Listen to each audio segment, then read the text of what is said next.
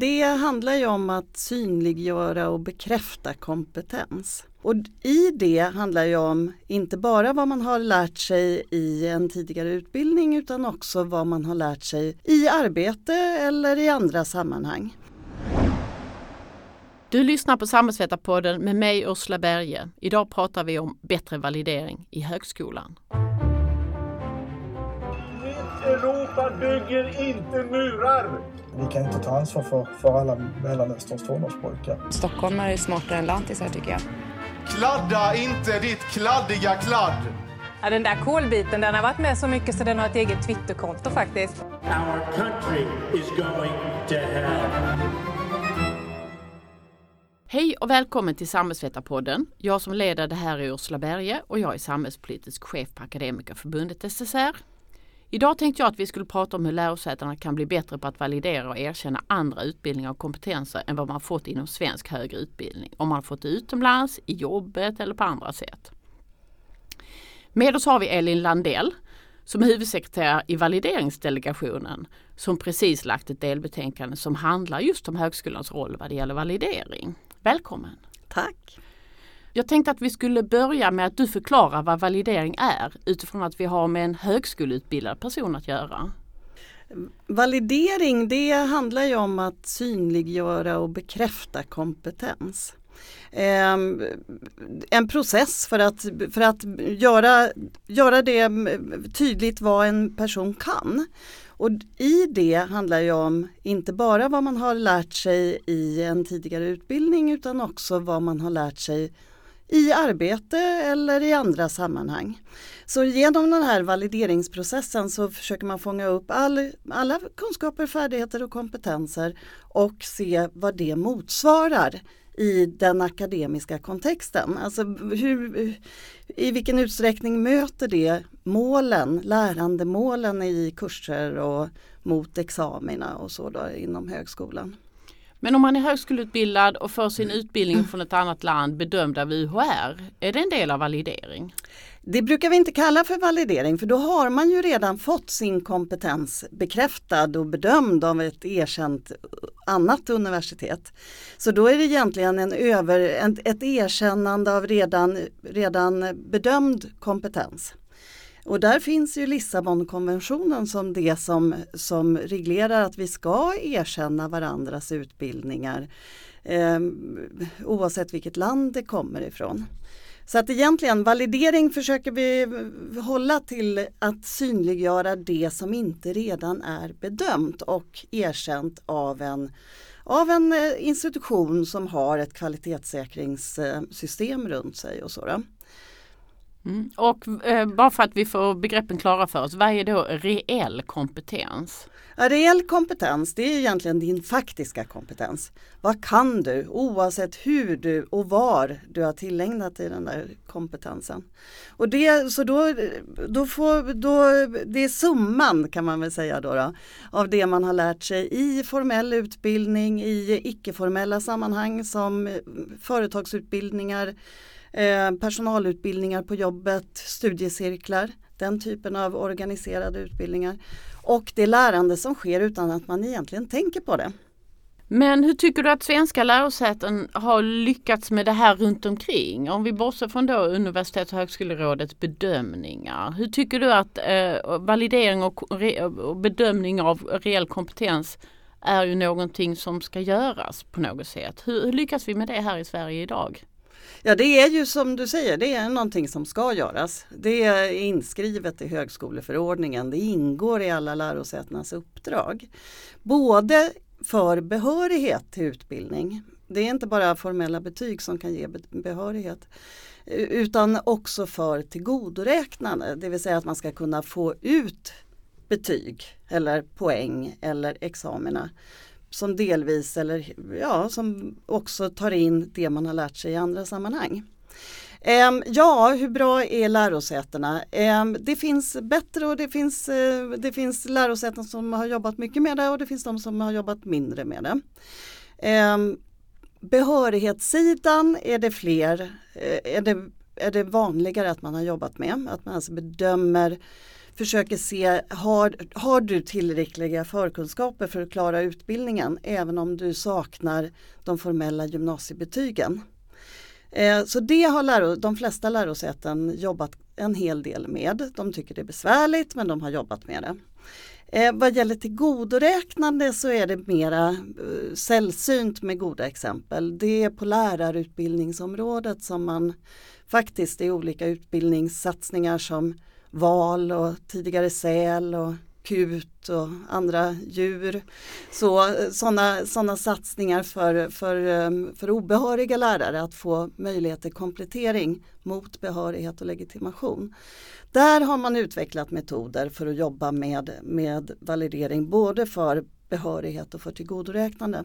I övrigt är det väldigt magert. Varför är det så, så pass utvecklat i, bland lärare och inte hos andra? Ja det, det är ju, jag tror faktiskt att det är bristen på, på behöriga lärare som har drivit, drivit fram de här särskilda satsningarna. Där man faktiskt satt av från, från regeringens sida satt av särskilda pengar för att både utveckla metoder och för att ersätta läros, lärosätena för det här bedömningsarbetet som ju självklart är mycket mera omfattande än om det handlar om att se om du har betygen från gymnasiet på rätt nivå med dig eller inte. Mm. Så det handlar ju här om en, en faktisk bedömning. Vad kan du? Kan du tillräckligt för att tillgodogöra dig eh, en utbildning eller kan du redan det som utbildningen omfattar? Det är mycket mer komplicerat och ja, kräver, kräver ju en kvalitetssäkring. För det är ju att jämföra med en examination mm. när man gör det. Eh, bara så att jag ska förstå, talar vi här om personer som har sin utbildning från ett annat land eh, eller talar vi här om personer som, som kanske har varit obehöriga lärare i många år och som, som vill få men jobbat i skolan i väldigt många år och som vill få den bedömd? Vad är den vanligaste kategorin? Eller? Alltså de, här, de särskilda, om vi pratar om de särskilda utbildningssatsningarna så är det oftast lärare som har jobbat som obehöriga lärare och som behöver komplettering och då inte alls börja om från början utan faktiskt fylla i de bitarna som, som gör att de blir behöriga och kan få en legitimation. Eh, men det finns ju även kompletterande utbildning för lärare från andra länder. Eh, och där förekommer ju att man försöker, där validerar man ju inför behörigheten till en kompletteringsutbildning för utländska lärare. Mm.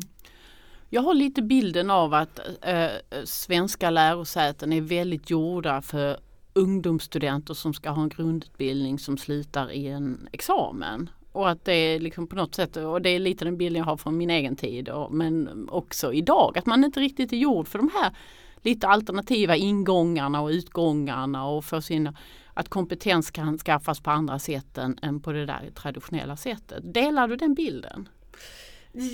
Ja, och det är väl det är ju så huvuddelen av studenterna kommer ju direkt ifrån, ifrån gymnasiet och det är, en, det är den första utbildningen så att säga. Sen ska man väl säga att jämfört med flera andra länder så har ju Sverige ett ganska flexibelt system med enstaka kurser. Så man har möjlighet att fylla på under, under eh, livets gång så att säga när man, när man har behov av det. Så att den, här, den flexibiliteten finns inte alltid i andra länder. Utan där är det mer fasta program så att säga. Um, så med enstaka kurser och um, ökar ju flexibiliteten i utbudet. Mm. Men sen så är ju självklart hur utbildningarna organiseras. Det, det hänger ju ihop med hur man är van, vilka studentgrupper är man van att ta emot. Och då är det ju snarast unga som kommer. Som man, ja, det är det, det är standardstudenten så att säga. Mm. Men då, då, kan man ju vara lite dåligt rustad för att, så att säga, validera något annat än det man alltid har sett. Tänker jag. Mm. Ja, ja, ja. Ja, ja, för unga har inte så mycket annat tidigare lärande att, att bedöma och få erkänt för som motsvarande. Men har du jobbat i 20 år i en kvalificerad verksamhet så har du lärt dig en hel massa. Kanske inte exakt det som ligger i en utbildning men delvis. Mm. Hur tänker du runt det här? Du nämner fristående kurser. Eh, vi har ju också sett de senaste 20 åren att de fristående kurserna minskar i väldigt stor omfattning. Vilket ju, nu, nu pratar du om validering och, av, av komp andra kompetenser men, men ju färre fristående kurser vi har och ju mer vi programifiering har desto mer går vi mot den här grundutbildningsungdomsskolan. Ja, precis. Hur tänker du runt den här utvecklingen? Ja men det är en farlig utveckling. Då blir inte, då blir inte lärosätena lika relevanta för att jobba tillsammans med arbetslivet i det som vi ju alla ser. Det räcker inte med utbildning i början av livet, man måste ha möjlighet att fylla på. Eh, det här att kunna gå in och gå ut ur utbildning och fylla på det som är relevant. Den, den möjligen, möjligheten måste finnas framgent och den är mycket viktigare idag än vad den var för 20 år sedan. Och då i den där flexibiliteten gå in och gå ut ur utbildning så behöver man ju också då få fortsätta där man befinner sig. Så det är ju där det här att erkänna det man också har lärt sig i andra sammanhang blir så viktigt. Annars blir den här vidareutbildningen ibland att du måste backa. Du måste börja om från, från där du var när du lämnade utbildning senast. Eh, och det har varken samhället eller individen råd med. Det blir längre utbildningsupplägg ehm, eh, på det viset än om man faktiskt utgår från att eh, du har lärt dig, vi ska bedöma vad du har lärt dig och sen får du fylla på det som du faktiskt behöver för att komma vidare till ja, ett nytt yrkesområde eller bara komma vidare där du befinner dig idag. Mm, jag tänker mm, jag jobbar ju en del med utbildnings och forskningsfrågor och, och, också med utländska akademiker. Man slås ju av alla historier man hör om folk som har, jag träffade en lärare för några dag, dagar sedan som hade en, en examen i, från, från lärarutbildning i Tyskland och som fick komplettera tre år här för att bli behörig svensklärare. Att vi är lite bra på att undervärdera andra länders eh, alltså kompetenser eh, som man har fått i andra länder. Ja, det är ju också sant. Delar du denna bild? det, det är ju också sant. Um, om vi ser utifrån hur lärosätena jobbar med tillgodoräknande av kurser som man har läst i andra länder så funkar det ganska bra när det gäller organiserade utbildningssamarbeten, alltså er, eh, Erasmus-program av olika slag. Det, eh, där, där eh, behöver man kanske inte se några större problem. Det vill säga att åker du till ett annat land för ett år så innebär inte det att din utbildning blir ett år längre innan du får ut din examen. Utan du får räkna in de kurserna i din examen. Däremot har du påbörjat dina studier i ett annat land och kommer till Sverige eh, då är man inte alls lika generös. Då ser man inte alls på samma sätt till det här, det här som vi som vi brukar kalla för learning outcomes utan man tittar mera på vilka moment ingår i den utbildning du har gått och då matchar ju det inte momenten i en svensk utbildning. Så kommer det alltid se ut. Eh, och validering handlar ju om att titta på vad kan du efter utbildningen? Vad är det du ska kunna göra med din kompetens, din kunskap? Och då kan de där utbildningsuppläggen faktiskt se väldigt olika ut och man kan stå på samma nivå och ha möjlighet att göra samma jobb.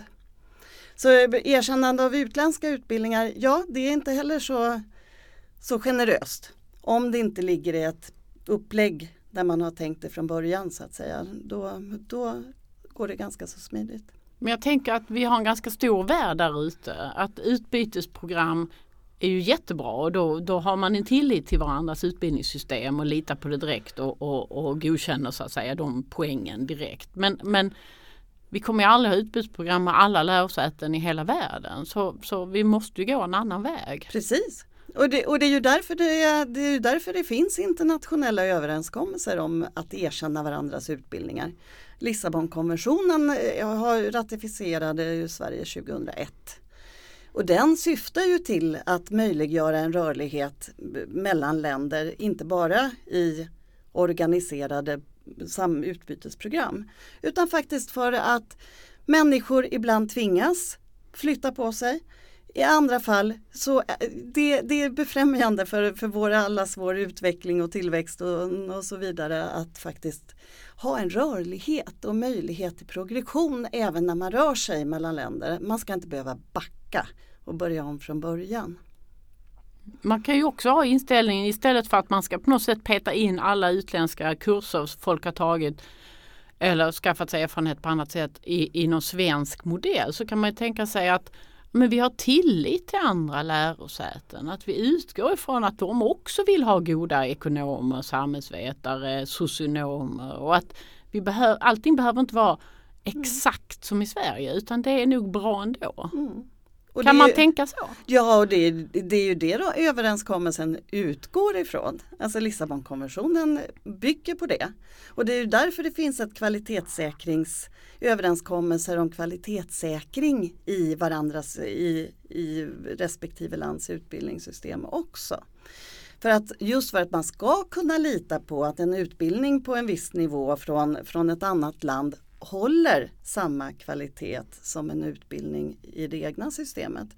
Kan se olika ut vad gäller innehållet men är det samma utbildningsområde, samma nivå, eh, ja då, då, då ska man erkänna det. Det är det här med man måste kunna påvisa väsentliga skillnader i resultatet så att säga, i vad du kan efter en slutförd utbildning för att neka ett erkännande. Och det här är bindande.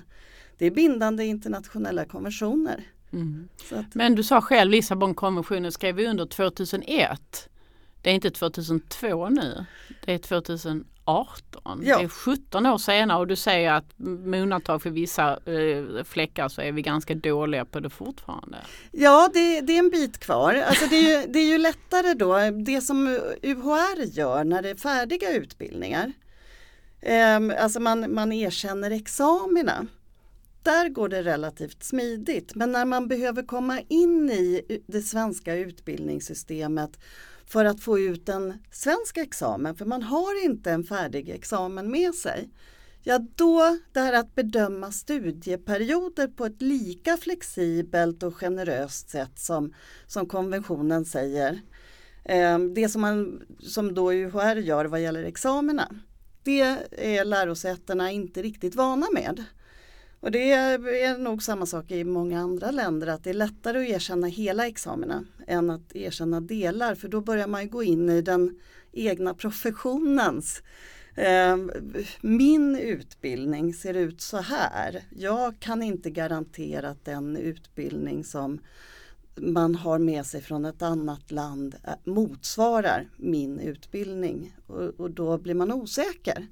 Alltså det krävs ju en säker, det, det, det, är mycket en osäkerhet som ligger bakom att det här har en låg omfattning. Man vet inte hur man ska göra. Eh, man tycker det är svårt att bedöma. Eh, och man, man saknar de här metoderna för att faktiskt kunna gå i god för att kompetensen är ungefär densamma. Um, och sen så finns nog lite av en skepticism dessutom, alltså attityden till kompetens som har utvecklats på ja, i andra länder eller i, i vissa fall även på ett annat lärosäte kan man tycka att ja, men det håller inte samma kvalitet. Det kan inte vara motsvarande just det som man får med sig från min utbildning. Du, jag tänkte fråga dig, alltså eh, högre utbildning är ju statligt styrt. Eh, och därigenom kan ju politiken påverka vad som eh, görs inom de svenska lärosätena. De, flesta lärosäten är ju statliga men, men de är ju alla är statligt styrda. Men jag tänkte säga, hur tycker du politiken ger förutsättningar för att detta ska fungera på ett bättre sätt? Just det här, det är ju, det är ju styrt så att säga. I högskoleförordningen så sägs det ju att det här ska hända. Det händer i ganska liten omfattning och jag, jag tycker att en viktig del är ju faktiskt att följa upp den där, den där efterlevnaden av de bestämmelser som finns.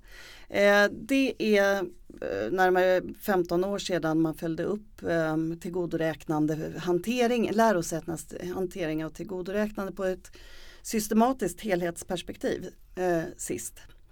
Eh, så att det, det är en viktig del.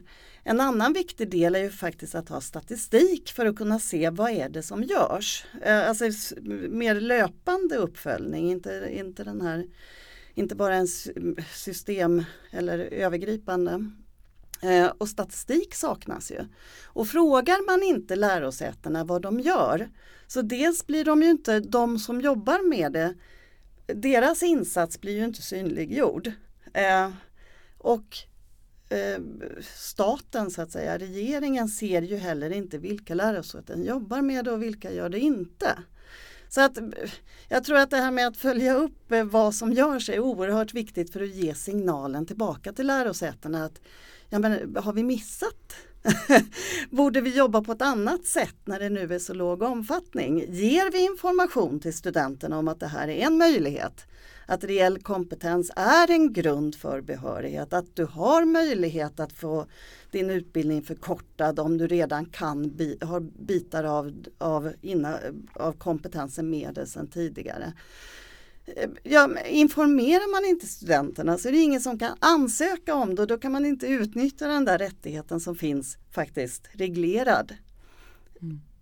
Men eh, jag håller också på med arbetsmarknadsfrågor Eh, vi pratar här om högskoleutbildade personer. Tittar man på en sån här lista över de värsta bristyrkena i Sverige så med undantag för kock ungefär och någon maskinskötare så är nästan alla akademiska utbildningar. Mm. samtidigt har vi en massa människor här med, med halva utbildningar, icke, icke validerade utbildningar, färdiga utbildningar och allt möjligt. Och, och, och en massa människor som har skaffat sig eh, massor med reell kompetens som inte är bedömd. Alltså det är svårt att se att det skulle vara samhällsekonomiskt dålig affär att satsa på detta. Det låter ju konstigt, kanske inte låter som en fråga, men, men vad, vad är det som gör att man inte har till exempel utvärderat detta på 15 år och inte plockat fram statistiken och inte sett till att få fram allt det här som gör att man mycket mer resurseffektivt kan ta tillvara den kompetens som finns? Ja. Eh, de uppföljningar som har gjorts, de pekar ju på, alltså det som lärosätena själva säger som ett stort hinder för verksamheten. Förutom att de saknar metoder och mm, kompetens delvis och, och så. Då, det, det är ju då att de ekonomiska incitamenten för lärosätena är inte går inte hand i hand med, med då det som du pratar om att det här måste ju vara samhällsekonomiskt eh, det, det, bästa man kan göra och för individen självklart eh, jättetydligt ehm, det bästa. Men för lärosätet så, så kostar ju, det här är en mera, det, det är mera tidskrävande, resurskrävande process att bedöma reell kompetens. Ehm, och resurstilldelningssystemet det ger ju tilldelning av pengar per student och per prestation. Eh, lika oavsett hur mycket, eh, hur mycket jobb som lärosätet behöver lägga in. Och vad gäller tillgodoräknande så är det dessutom så att blir det tillgodoräknande, ja då får ju inte lärosätet någonting för, på den här vanliga raka ackordet student och prestation. För då blir det ju ingen prestation. Man får ju erkännande för någonting man redan hade med sig. Så då förväntas lärosätet då göra ett bedömningsarbete som är ganska så eh, tidskrävande och de förlorar pengar. Självklart informerar de inte studenterna direkt om att den här rättigheten har ni att få er kompetens bedömd. Så, så ehm, incitamentet för lärosätet är inte, är inte i, ja, det, det står emot, det, det jobbar emot de samhällsekonomiska lönsamhetsberäkningar som, som ju finns ganska många av. Och jag vet att ni har ett förslag på det i ert eh, delbetänkande. Men hur tänker du att det finns en stor statlig utredning som heter, kallas STRUT lite populärt, Styr och resursutredningen som, som just har för avsikt att titta på hur man ska eh, föreslå förändring av styrningen och resurstilldelningen till högre utbildning. På vilket sätt tycker du att den utredningen i sina direktiv har att jobba med de här frågorna? Ja, det är ju en av de viktiga bitarna till att se hur, hur styrningen både vad gäller resurser och på annat sätt eh, tydliggör uppdraget för lärosätena eller liksom möjliggör för lärosätena att jobba med livslångt lärande och att vara en aktiv part i förhållande till vidareutbildning och så vidare. Ehm, så att vi, ehm, vi har ju tänkt att den bedömning som vi lämnar om ersättning då för, för tillgodoräknanden baserade på reell kompetens, att det, det hoppas vi då att eh, struten ska ta med i sitt för, övergripande förslag om, eh, om förändringar vad gäller resurser. Kan du beskriva hur er, ert förslag till eh, incitament för, eh, med pengar ska, ska göra att detta händer? Alltså vi har ju tittat, eh, det, det har ju diskuterats olika modeller genom åren, men vi har ju tittat, eh, försökt bedöma hur lång tid tar det faktiskt att göra en sån här Eh, Eh, reell kompetensbedömning för tillgodoräknande. Eh, och vi har gått på, eh, det är lite spretiga, spretigt underlag eftersom uppföljningen är dålig så eh, har man heller inte resursinsatserna redovisade. Men de uppgifter som finns från Sverige och från andra länder har vi försökt eh, sätta in här då, då, och i genomsnitt så det kan ligga mellan 10 och 20 000 för en sån här bedömning. Är det väldigt stor kompetens så blir det många bedömningar och då kanske det ligger över de där 20 000 också. Är det väldigt enkelt så, så, så kan det ligga lägre.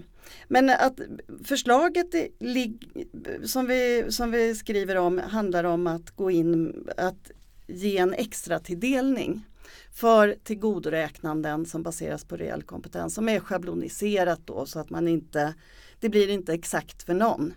Eh, men som ligger i ett, på ett genomsnitt av hur den här faktiska resursutgången eh, så att lärosätena då får en ersättning för det bedömningsarbete de har gjort. Eh, om sedan tillgodoräknandet handlar om en halv termin eller två terminer eller kanske faktiskt tre år det spelar ingen roll för det är synd att skapa incitament att, att slarva med kvaliteten i bedömningen så att säga, att ge för stora tillgodoräknanden. Eh, men det är viktigt att lärosätena känner att det här ex, som de uppfattar som extra arbete som det innebär, det får de ersatt. Annars kommer det inte komma igång. Och, och det här som jag sa inledningsvis om att det funkar i, i de här särskilda lärarsatsningarna, det, där finns ju pengar kopplade till valideringsarbetet. Mm. Just för att det kräver extra resurser. Vill man att det ska hända så måste det också finnas resurser som, som kopplas till det. Mm.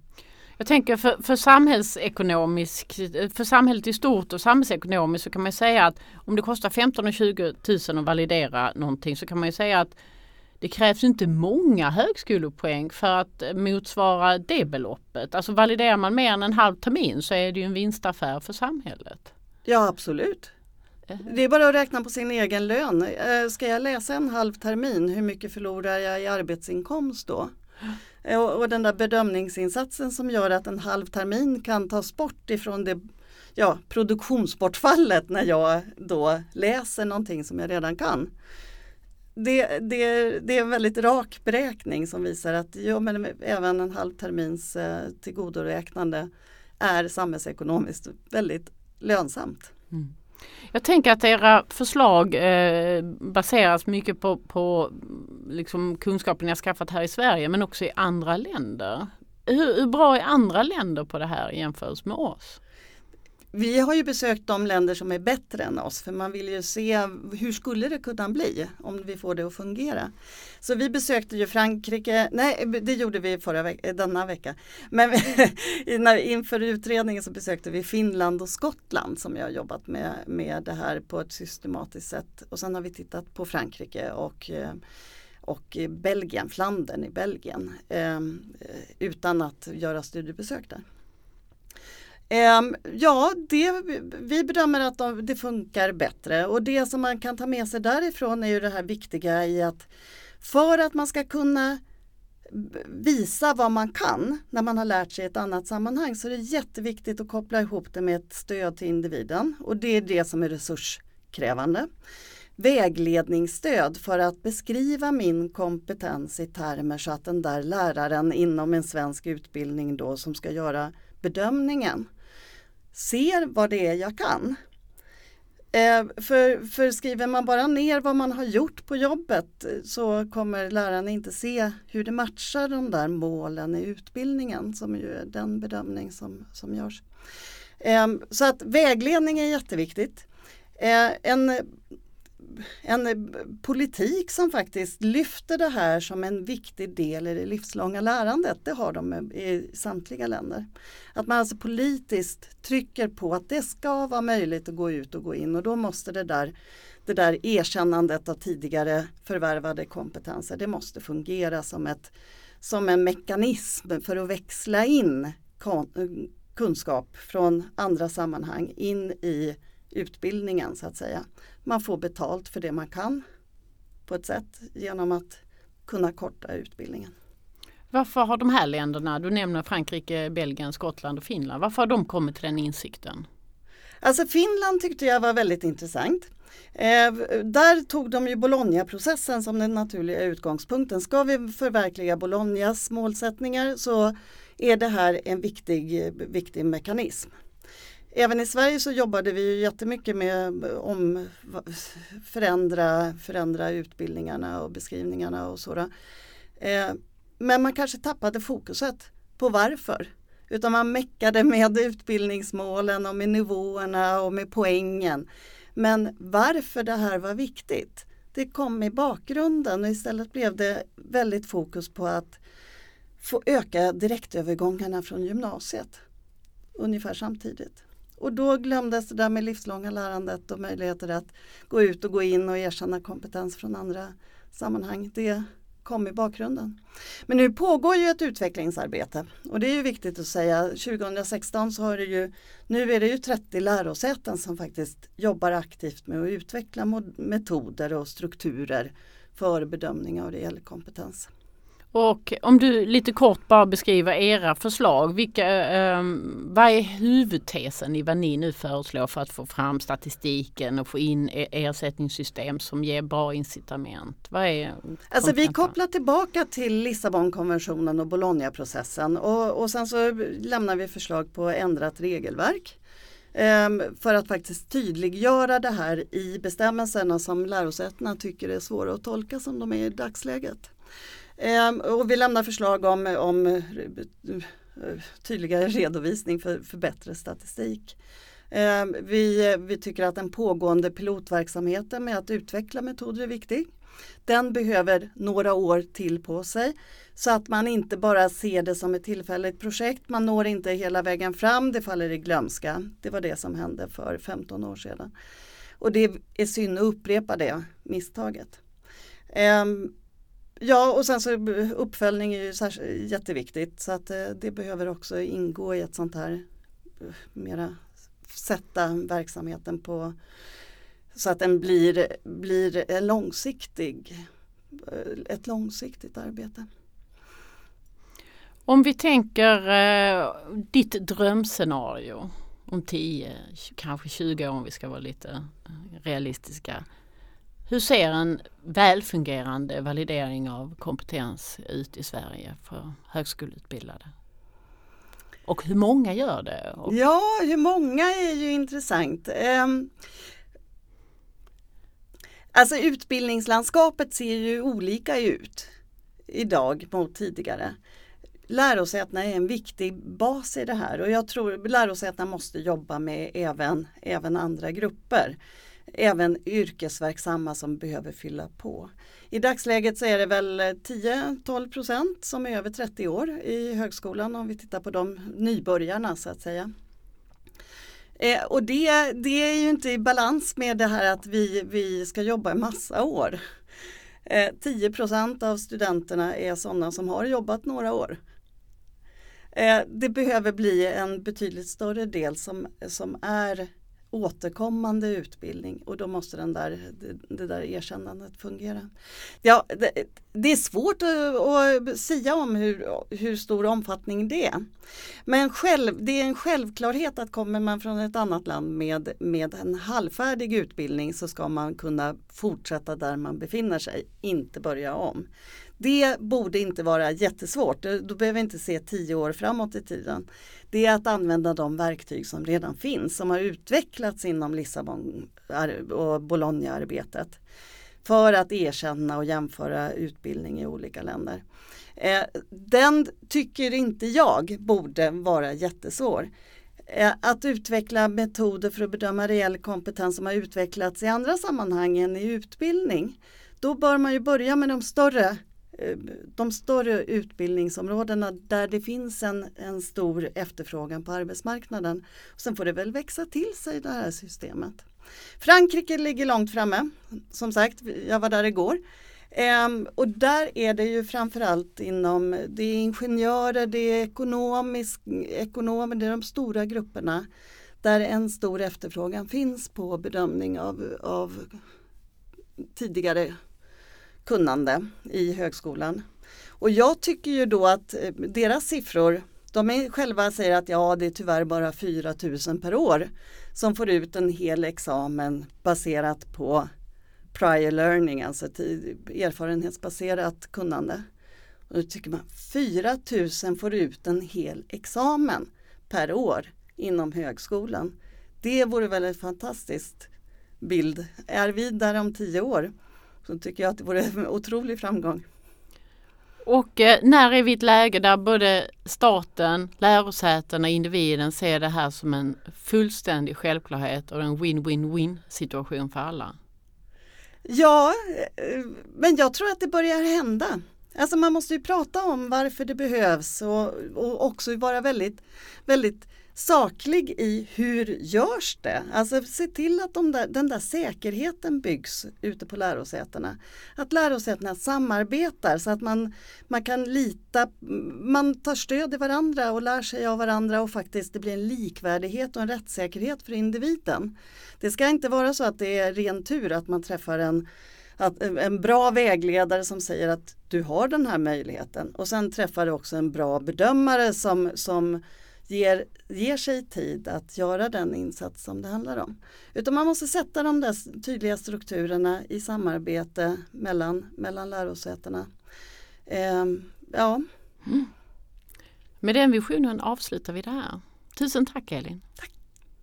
Det var allt från Samhällsvetarpodden den här veckan. Samhällsvetarpodden görs varannan vecka och fångar upp stora samhällspolitiska frågor. Prenumerera gärna på oss på de ställen där du brukar hitta dina podcasts. Samhällsvetarpodden görs av Akademikerförbundet SSR, Sveriges ledande samhällsvetarförbund.